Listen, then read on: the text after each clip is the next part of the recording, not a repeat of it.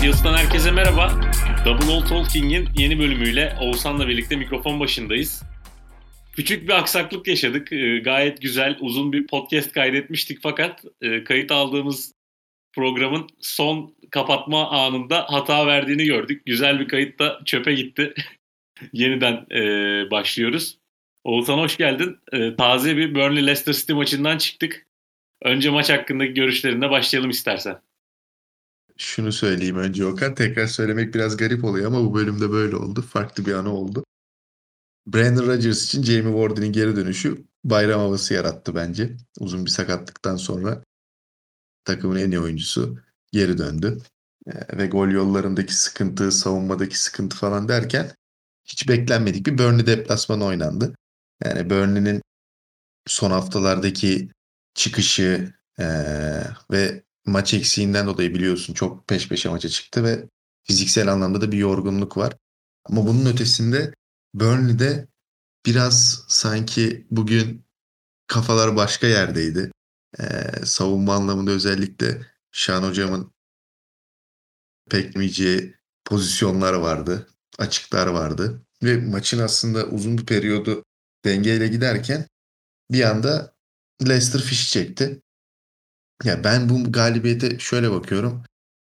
Maç anında da canlı puan tablosuna bakarken Burnley biraz daha canlanmış bir şekilde hatta Everton'un üstüne çıkıyordu beraberlikle bitseydi maç fazlasıyla. Ama Leicester galibiyete bence Burnley kadar ihtiyacı olan bir takım. Çünkü Brandon Rodgers için de çanlar çalmaya başladı. Seyir zevki bana sorarsan çok şey değildi de senle bir daha konuşmak üzere e, Jamie Ward'ı biraz hareketlendirdi bizi. E, hem futbolu özlemiş hem de ondan beklediğimiz hareketleri Burnley deplasmanında da yaptı. Ben sana pası böyle atayım. Ya ben maçı izlerken e, şuradan sana e, bağlayayım. Burnley'de savunma konsantrasyonunun çok ciddi kaybolduğunu gördüm. Yani maç zaten e, Leicester'ın beklemediği bir biçimde hatta kimsenin beklemediği bir biçimde daha erken gelebilirdi Leicester'a. Nick Pop inanılmaz işler yaptı. Senin ve benim için de özel bir kalecidir. E, sevdiğimiz bir kalecidir. O yaptığı kurtarışlar Burnley'i oyunda tutarken Madison'ın golünden hemen böyle birkaç dakika önce bir pozisyon oldu. Orada ben zaten eyvah dedim yani maçı izlerken. Ee, Barnes sol çizgiyle topu bir an ayağına aldı. Böyle yaklaşık 10 saniye ne Barnes hareket ediyor ne önünde top hareket ediyor. Böyle bir bekleme anı oldu. Burnley'den hiç kimse ya gidelim de şu topu alalım gibi bir reaksiyon göstermedi. E, öyle olunca takımdaki bir konsantrasyon probleminin başladığı e, emaresini verdi ki hemen birkaç dakika sonra da yine konsantrasyon eksikliğinin çok bariz gözüktüğü bir pozisyonla Madison'ın golü geldi. Yani Wardy'nin offside'de olacağını düşünüp e, hareketlenmekte, reaksiyon vermekte geç kaldılar. Üstüne üstlük Wardy'nin pasında Madison topla e, çok net bir şut pozisyonu yakalayana kadar da hiç kimse pozisyona müdahale etmedi. Zaten o golün gelmesi e, işi bence yani skorun gelmesi maçı bitirmişti. İkinci gol sadece hani e, bir nokta koymaktı. Pastanın üzerindeki o çilek gibi oldu Leicester için. E, Wardy'ye şöyle bağlayalım. Yani yaklaşık iki buçuk aydır Aralık ayından beri sanırım e, sahalarda değildi. Onun yokluğunda Leicester çok açık bir biçimde hissediyordu. Hep bildiğimiz Wardy e, yine karşımızdaydı. E, şey yaptı. Golde golden sonra, ikinci golden sonra Burnley taraftarıyla bayağı uğraştı. İlk önce 2-0 eliyle işaret edip taraftar biraz e, galeyana getirdi. Hemen ardından da e, böyle bir kokuyorsunuz gibi böyle bir burnunu e, burnundaki kokuyu e, yok etmeye çalışan bir hareket yaptı. Yani Wardy için e, şunu söylemek istiyorum. Yani işte Crystal Palace'a karşı kartal sevinci yapmak, e, Wolverhampton'a karşı kurtulması yapmak, taraftara 2-0 skor göstermek okey ama yani bu kokuyorsunuz hareketini yapması bana o ince çizginin e, bir an ötesine geçmek için böyle bir an kolluyormuş gibi hissettirdi. Bu noktada hani ya o çizginin ötesine geçmemesi lazım. Yani e, söylediğim şey şu benim kaybolan kaydımızda da sana söyledim. Yani e, Wardy gibi oyuncular futbolun rengi, futbolun bence içinde olması gereken karakterler. Varlığıyla, yaptıklarıyla oyuna renk katıyorlar. Ama o rengin e, böyle pastel renklerden daha koyu renklere gitmesini engellemek lazım diye düşünüyorum. Ya şöyle ben e, Wardy'nin ben senin dediğin gibi hani Wolverhampton deplasmanı olsun, Crystal Palace deplasmanı olsun, Arsenal deplasmanı olsun, Liverpool deplasmanı olsun. Adam her yerde böyle. Sivri bir karakter zaten Wardy'nin yani şampiyonluk kutlamalarında da böyleydi. Yani sanki Leicester 10 sene üstte şampiyon olmuş. E, taraftarları çıldırtan bir havası vardı. Dediğin gibi renkli bir profil. Ama işte o Premier Ligi katı kuralları var ya bazı noktalarda hani oyuncunun önüne geçme. Bu geceki olay biraz sevinmekten ziyade tamamen kışkırtmak odaklıydı. Hani o son hareketin ne anlamı vardı ya da Burnley deplasmanını beklediğinden onun içinde kolay geçti galiba. Hatta e, Brandon Rodgers'a da söylemiş özel olarak maça dönmek istediğini belirtmiş. Bu biraz şeyden dolayı olabilir ya ona vurdum ben biraz. Hani takım kötü gidiyor. E, taraftarlar moraller bozuk. Brandon Rodgers için ne olacağı ne biteceği belli değil. Wardy ben geldim sakin olun her zamanki halimizde neşelenelim yolumuza devam edelim mesajı da vermiş olabilir. Bence maçın sonuna doğru beni renklendirdi yani. Burnley zaten izlemek kolay olmuyor. Ee, ama bu gece Wardy ile Leicester'ı canlanmış görmek istiyorum artık. Ya zaten onun göstergesi oldu o kesin. Wardy ben geldim rahat olun mesajını direkt verdi. Ya ben Burnley açısından da şunu söyleyeceğim. Maç 1-0 olduktan sonra doğal bir reaksiyon olarak takım önde e, birkaç böyle e, nasıl söyleyeyim takım olarak varlık gösterebildiği belli sekanslar oldu. Yani Şandayş'in de şunu düşünüyorum. Tabii ki belli bir felsefesi var. Onu bugüne kadar getirdi. O gün onu bugüne kadar başarılı belli e, tırnak içerisinde parametrelerde kıldı. Ama takımın bunu yapabildiğini de biraz olsun gösterebildi. Bu noktada artık hani ya biz e, bu noktada hani Şandayş'in de şunu söyleyeyim. Bu lig bu sezonu artık bıraktılar mı, gözden çıkardılar mı derken Vergors transferiyle birlikte takım bambaşka bir havaya büründü. Bir şeyleri değiştirebiliriz. İşte e, Brentford'ı altımıza alabiliriz. E, Watford'un Norwich'in üstündeyiz. Kurtarabiliriz paçayı havasını yakalamışken bazen ondan biraz daha cesur olmasını bekliyorum. E, onu yapmadı. Bir yandan da şeyi söyleyeyim. Yani tam bir e, Türk futbolu Premier Lig'e damga vuruyor maçı oldu yine. Bir tarafta Çağlar Söyüncü, diğer tarafta Kayseri'den hatırladığımız Aaron Lennon vardı. o da yine güzel bir tesadüf oldu bizim için. Ben e, konuyu şuraya getireceğim. Geçtiğimiz hafta birkaç yani kayıtta bu sıkıntıları yaşadık esasında. E, bu konuyu konuşmuştuk seninle. Hazenutul ve Hazenutul'un yaptığı bu e, 60-70 dakikalar arası taktik bir hamle, stratejik bir hamle üzerine. O da e, ses kalitesinden dolayı kayıttan çıkmıştı. Üzerinden çok zaman geçmeden onu konuşalım. Konunun ne olduğunu merak edenler, bilmeyenler için şunu söyleyeyim. E, hatta ben onu bu arada söylerken al, gördüğüm Twitter hesabını da kaynağımı da söyleyeyim yani ona da haksızlık olmasın. E, Hazenutel'ın oyuncuları 14 kez 60 ve 70. dakikalar arasında sakatlandım diye kendini yere bırakıyor. Tedavi gören oyuncu tedavisi sırasında diğer oyuncular kenara gelip enerji barları, enerji içecekleri artık neyse onlar onları tüketiyor ve akabinde maçın sonlarına doğru Hazelton takımı golleri bulup puanları topluyor. Yani e, bu arada Hikmet Pınarbaş isimli Twitter kullanıcısının hesabında görmüştüm. O da kaynağı e, Atletik'in Southampton muhabiri.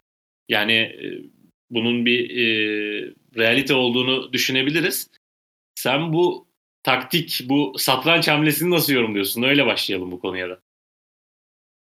Öyle söyleyeyim biz bunları genelde bizi sadece futbol izleyen ya da Premier Lig takip eden kişiler olarak tanıyabilir takipçilerimiz ya da dinleyenler.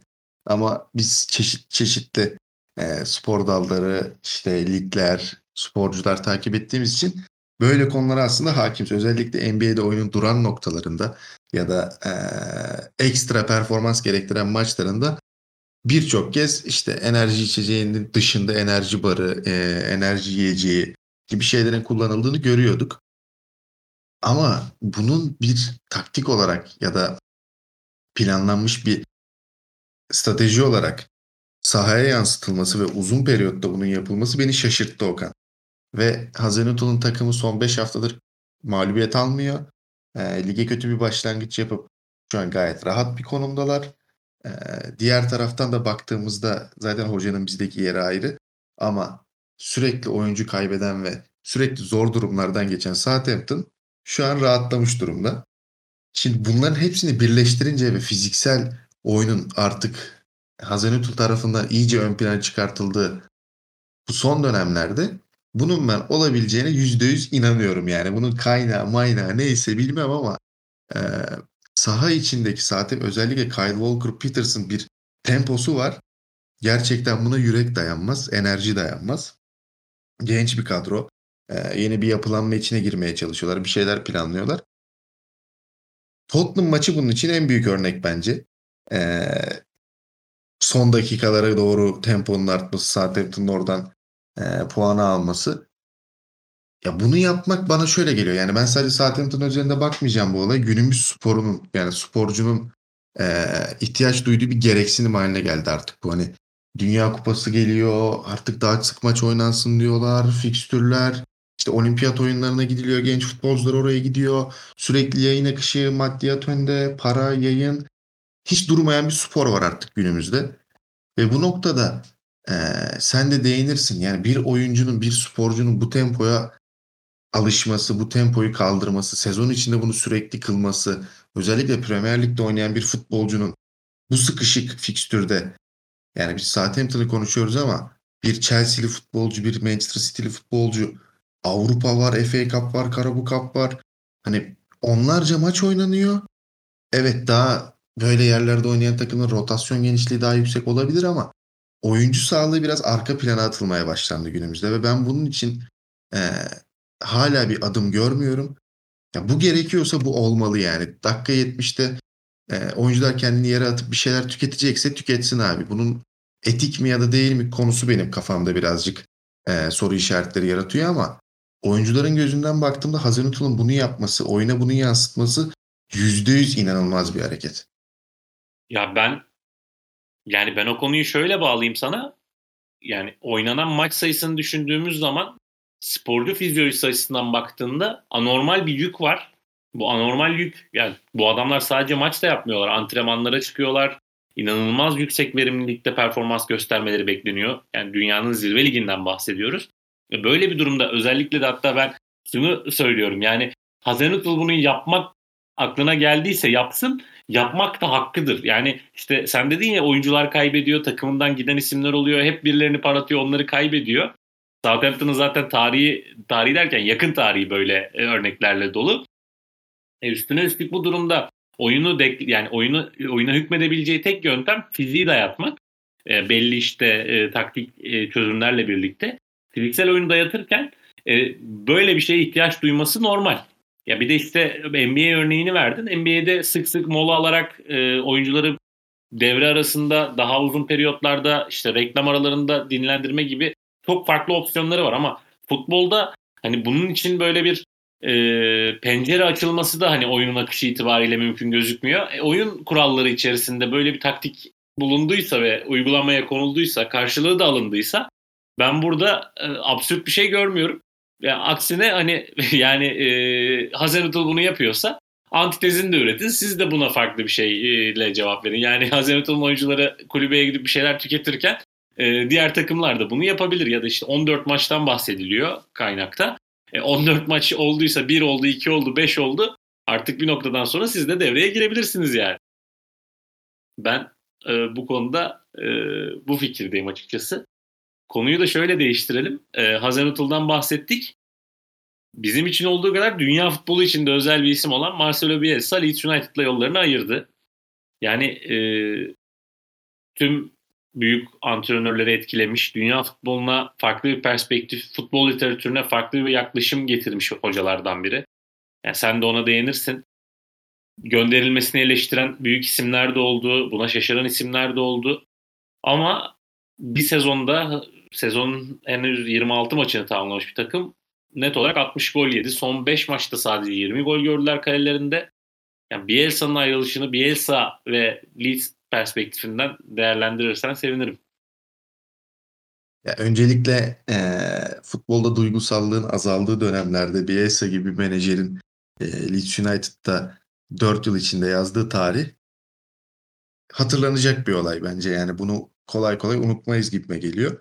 Ve Marcelo Bielsa şimdi hep konuştuğumuz isimler uzun yıllar Premier Lig'de olmuş bir takım sahiplenmiş isimler gibiydi ve Bielsa bunu 4 yılda yapmış e, gibi geliyor hepimize. Çünkü biz temel oluşturdu, bir sistem oluşturdu. Bielsa'nın aklındaki oyun Premier Lig'de bile bizzat sahaya yansıtıldı. Ve hep şunu söylemiştik.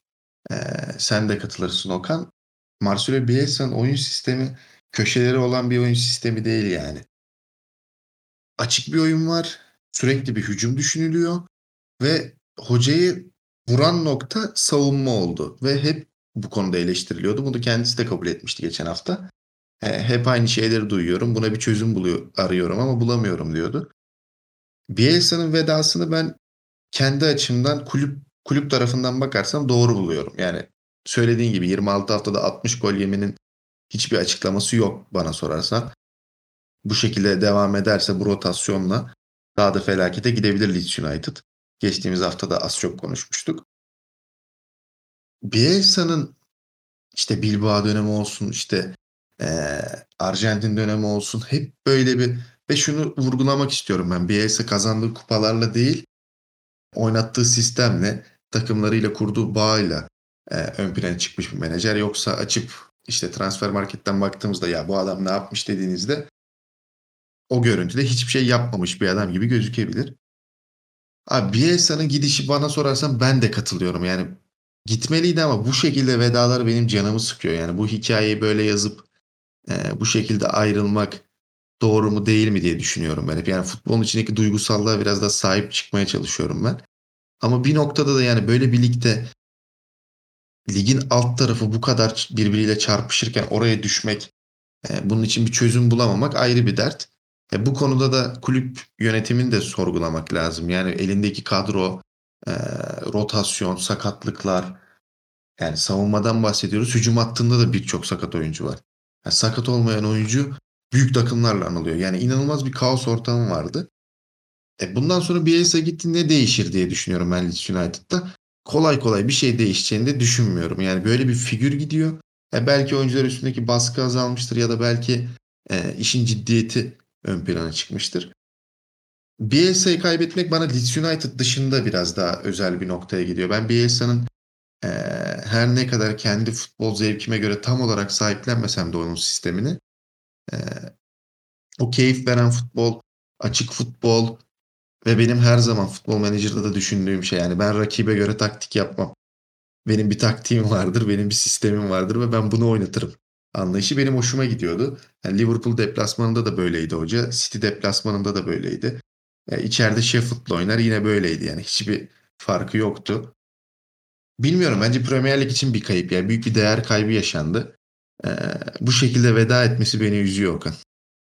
Ya ben biraz da saha içinde nelerin olduğuna odaklandığım zaman Patrick Bamford'un kaybının hocanın o hücum düşünen işte e, felsefesinden taviz vermeyen tavrına Bamford'un yokluğunun büyük bir darbe vurduğunu düşünüyorum. Ya burada işte soru sorulabilir.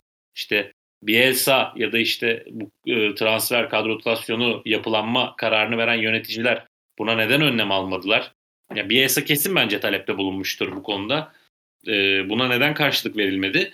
E, tabii bir oyuncu üzerinden açıklamak hani çok basit gibi gözükse de Marcelo Bielsa'nın o e, hücumu düşünen oyununda iş bir noktadan sonra son haftalarda işte Manchester United'a karşı iki gol attılar bir anda vesaire onları da gördük ama Mustafa Reşit Akçay futboluna dönmeye başlamıştı. Yani hatırlar e, takip eden izleyicilerimiz bir dönem işte e, Rize'de Osmanlı Sporu o dönemin takımındayken Reşit Akçay hep böyle geride bekleyip fır diye fırlayan ve sürekli gol arayan takımlar üretmişti.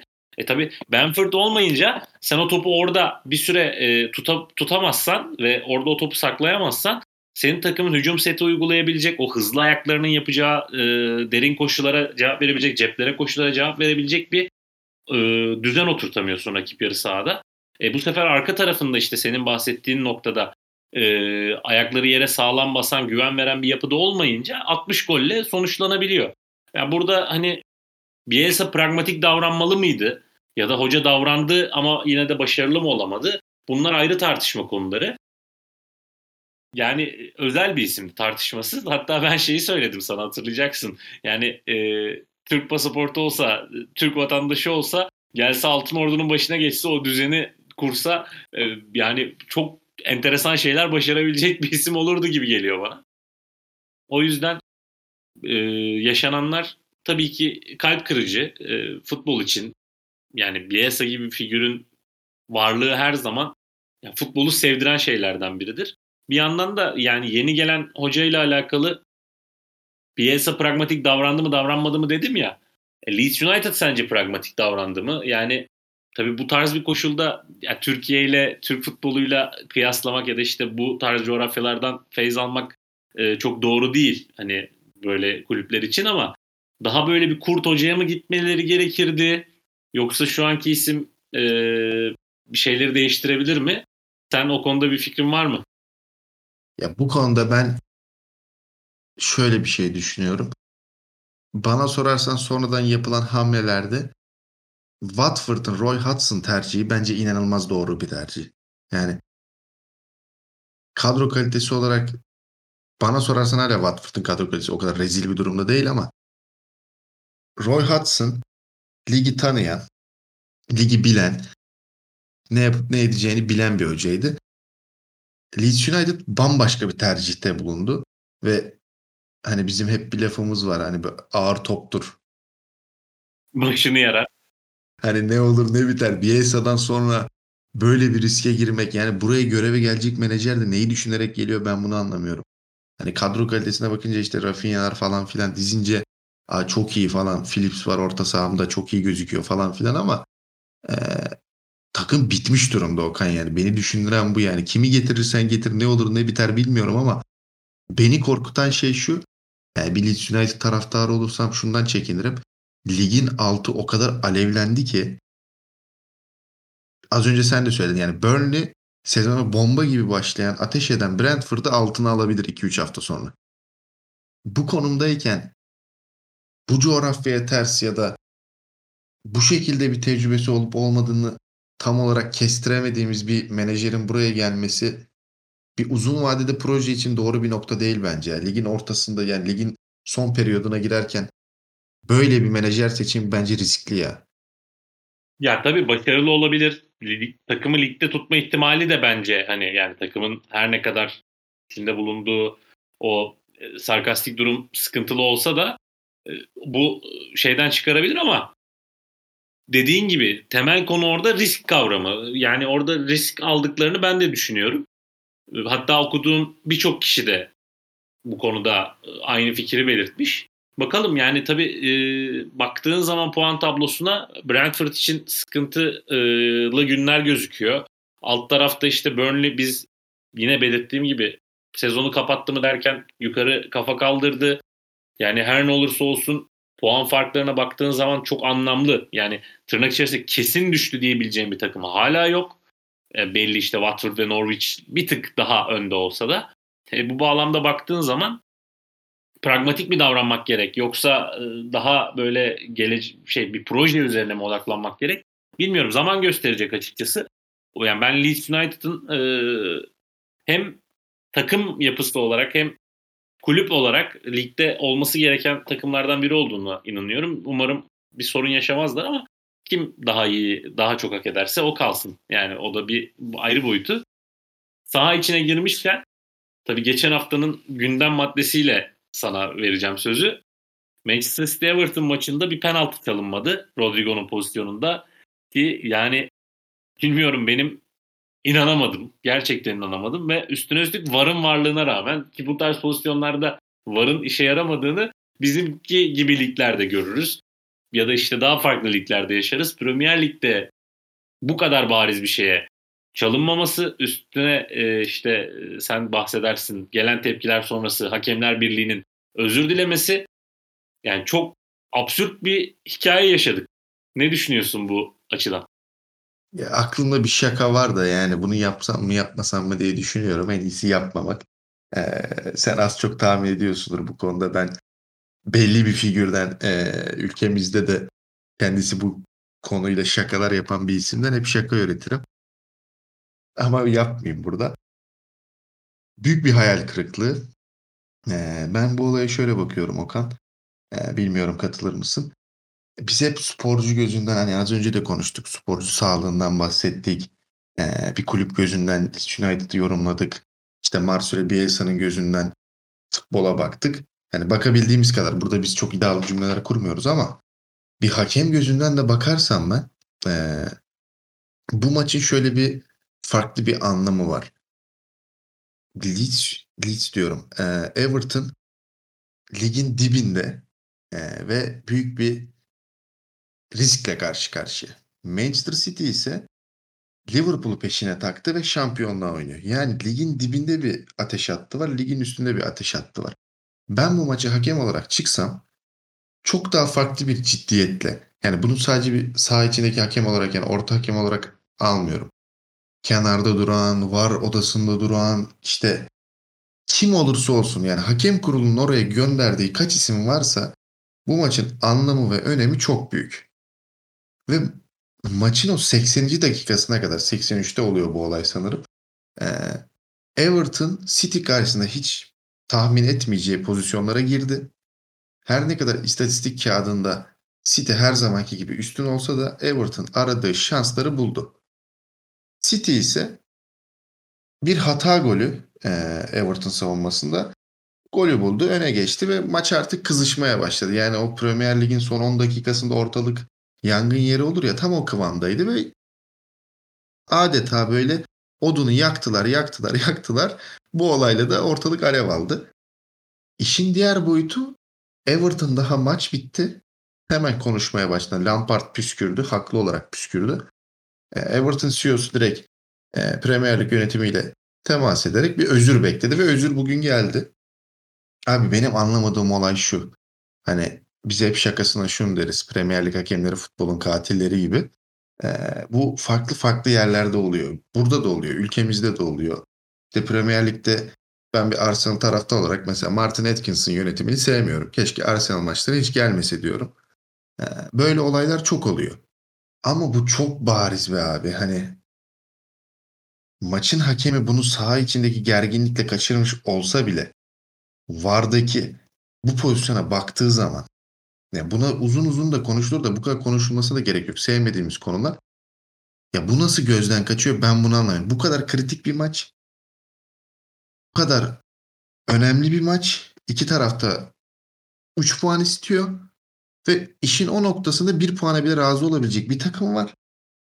Kendi evinde oynuyor. Ve bu gözden kaçıyor. Yani sana az önce de kesilen ses kaydında e, söylemiştim. Ya bu olay Conte ya da Mourinho'nun başına gelse neler olabileceğini ben tahmin edemiyorum. Lampard yine çok püskürmesine rağmen böyle ince bir çizgide ilerledi. Everton'a çok dik bir duruş gösterip temas kurdu ve özür bekledi. Bu pozisyon açıklanması yok yani. Ben Liverpool tarafta olsam ben de gerilirim abi yani. Şampiyonluk yolunda böyle bir puan kaybı elbette onları da ateşler. Ya da Everton taraftarı olsam düşme potasındayım neredeyse yani. Bu, buradaki bu hatayı ben kaldıramıyorum yani. Böyle bir maçta bu hata büyük bir hayal kırıklığı benim için. Yani şöyle söyleyeyim biz e, siteye ve e, Twitter hesabımızdan Dermot Gallagher'ın haftanın tartışmalı pozisyonlarına yorumlarını içerik olarak paylaşıyorduk. Acaba çok e, ilgi çekmedi mi, beğenilmedi mi diye düşünerek kaldırmıştık o içeriği. Yani ben bu e, haftadan sonra düzenli olarak tekrar onun e, yapmaya devam edeceğim hani çevirisini. Gerçekten çünkü hani senin söylediğine o şöyle bir ekleme yapayım. Premier Lig işte her zaman Premier Lig'i o top seviyeye çıkaran insanlar için Premier Ligi cazibe merkezi kılan oyunun işte kora kor oynanması, her türlü müdahalenin e, belli sınırlar içerisinde kabul edilebiliyor olması vesaireydi ama bir noktadan sonra bu e, Premier Lig'de şey üstüne şeye çıkmaya başladı. Yani belli bir çizginin üstüne çıkmaya başladı. Bu da hani yani bu pozisyonla alakalı değil işte burada bir bariz bir el var ama şeye götürmeye başladı hakemleri benim gördüğüm kadarıyla. Bir yani e, ukalalık mı tam karşılar bu e, şeyi bilmiyorum ama bir ukalalık gibi gelmeye başladı. Yani bunu hadi hakem kaçırdı. Varda ne düşünüp de gözden kaçırdın ki dediğin gibi yani Liverpool açısından baktığında zaten kan kokusunu almışsın. iyice kan kokusunu hissetme şansı eline gelebilir. Üstüne üstlük Everton yani e, kadro kalitesi bakımından düşme konusunda ondan önce olan takımların varlığı bakımından bir sıkıntı yaşayacağını düşünmesem de e, bir çıkış arıyor. Lampard bir çıkış göstermek istiyor ki Lampard açısından da baktığın zaman kendisini kanıtlaması için önemli bir fırsat e, ve bunu bir motivasyon aracı olarak kullanabilir e, orada alınacak bir puanla oynanan oyunla ki yaşananlar sonrası yine motivasyon aracı olarak kullanacaktır ama yani böyle bir hatanın yapılması bence üzücü oldu. Yani bilmiyorum eklemek istediğim bir şey var mı? Bana biraz şey geliyor yani çok uzatmayalım dediğim gibi ama hakemlere verilen o inisiyatif hak, o güç, o senin dediğin gibi koro koro mücadele elbette her futbol sever için ilgi çekici bir konu. Ama bu, bu, bu farklı bir şey yani. Mehmet Demirkol gibi oldum şu an o NTV Spor'da deliriyordu ya çıldırıyordu hani. E, maçı izlerken de bunu yaşamıştım da. Bu nasıl oluyor diye düşündüm, düşündüm, düşündüm. Sonra işte geçmişteki örnekler de var. Bundan iki hafta önce bir Arsenal maçında da böyle olaylar oldu. İşte geçtiğimiz hafta farklı olaylar oldu. Hep bu olaylar oluyor. Ya bu bana sorarsan e, fişi çeken olaydı. E, özellikle tekrar vurguluyorum yani ligin ligin başlarında ya da ortalarında biz böyle bir hikaye beklemiyorduk. Ne ligin altında ne ligin üstünde. Hani City Chelsea diyorduk. Bir şeyler olurdu. Liverpool yetişir mi diyorduk. Yetişir diyorduk. Tak Liverpool geldi. City puan kayıpları. Kızıştı. E, ligin altı kızıştı. Ya bu noktadan sonra hata kaldırmaz bence. Yani bir şeylerin üstün lekelenmesinin de anlamı yok. Kesinlikle katılıyorum sana o konuda. Daha yani konuşmak istediğim bir konu var mı benim aklımdan giden ya da atladığım? Ben ee, Marcelo Bielsa'ya birazcık teşekkür edip kapatalım istiyorum. Yani o zaman sana sözü vermeden e, şunu ilave edeyim. E, siz bu kaydı dinlerken ya da dinlemeden önce Premier hikayelerin Cantona sayısı da yayında olacak. Şunu belirteyim. Yani Cantona'dan bahsettiğimiz için çok uzun bir hikaye ve bunu iki parçaya böldük. İlk e, kısmını yarın yani daha doğrusu 2 Mart günü sizlerle paylaşmış olacağız. E, ardından da bir hafta sonra ikinci parti sizlerle olacak. Onun bilgisini şimdiden vermek istedim. Kapatırken söz sende. Bielsa büyük bir hikaye yazdı. Dört yılda inanılmaz unutulmayacak maçlar izledik. Ee, özlediğimiz görüntüleri gördük. Figür gördük. Sahada bir usta gördük. Ee, Guardiola'nın bile ki sana bana göre futboldaki şu an en büyük deha. Önünde eğildiği bir adamı izledik. Hikayenin sonu her zamanki gibi futbolda olduğu gibi güzel bitmedi ama e, bize kattığı değerler için, kupasız geçen bir kariyere rağmen yarattığı temeller için hocaya bir teşekkür ediyorum buradan. Bunun dışında bizi dinlediğiniz için teşekkür ederiz. Haftaya görüşmek üzere. Görüşmek üzere.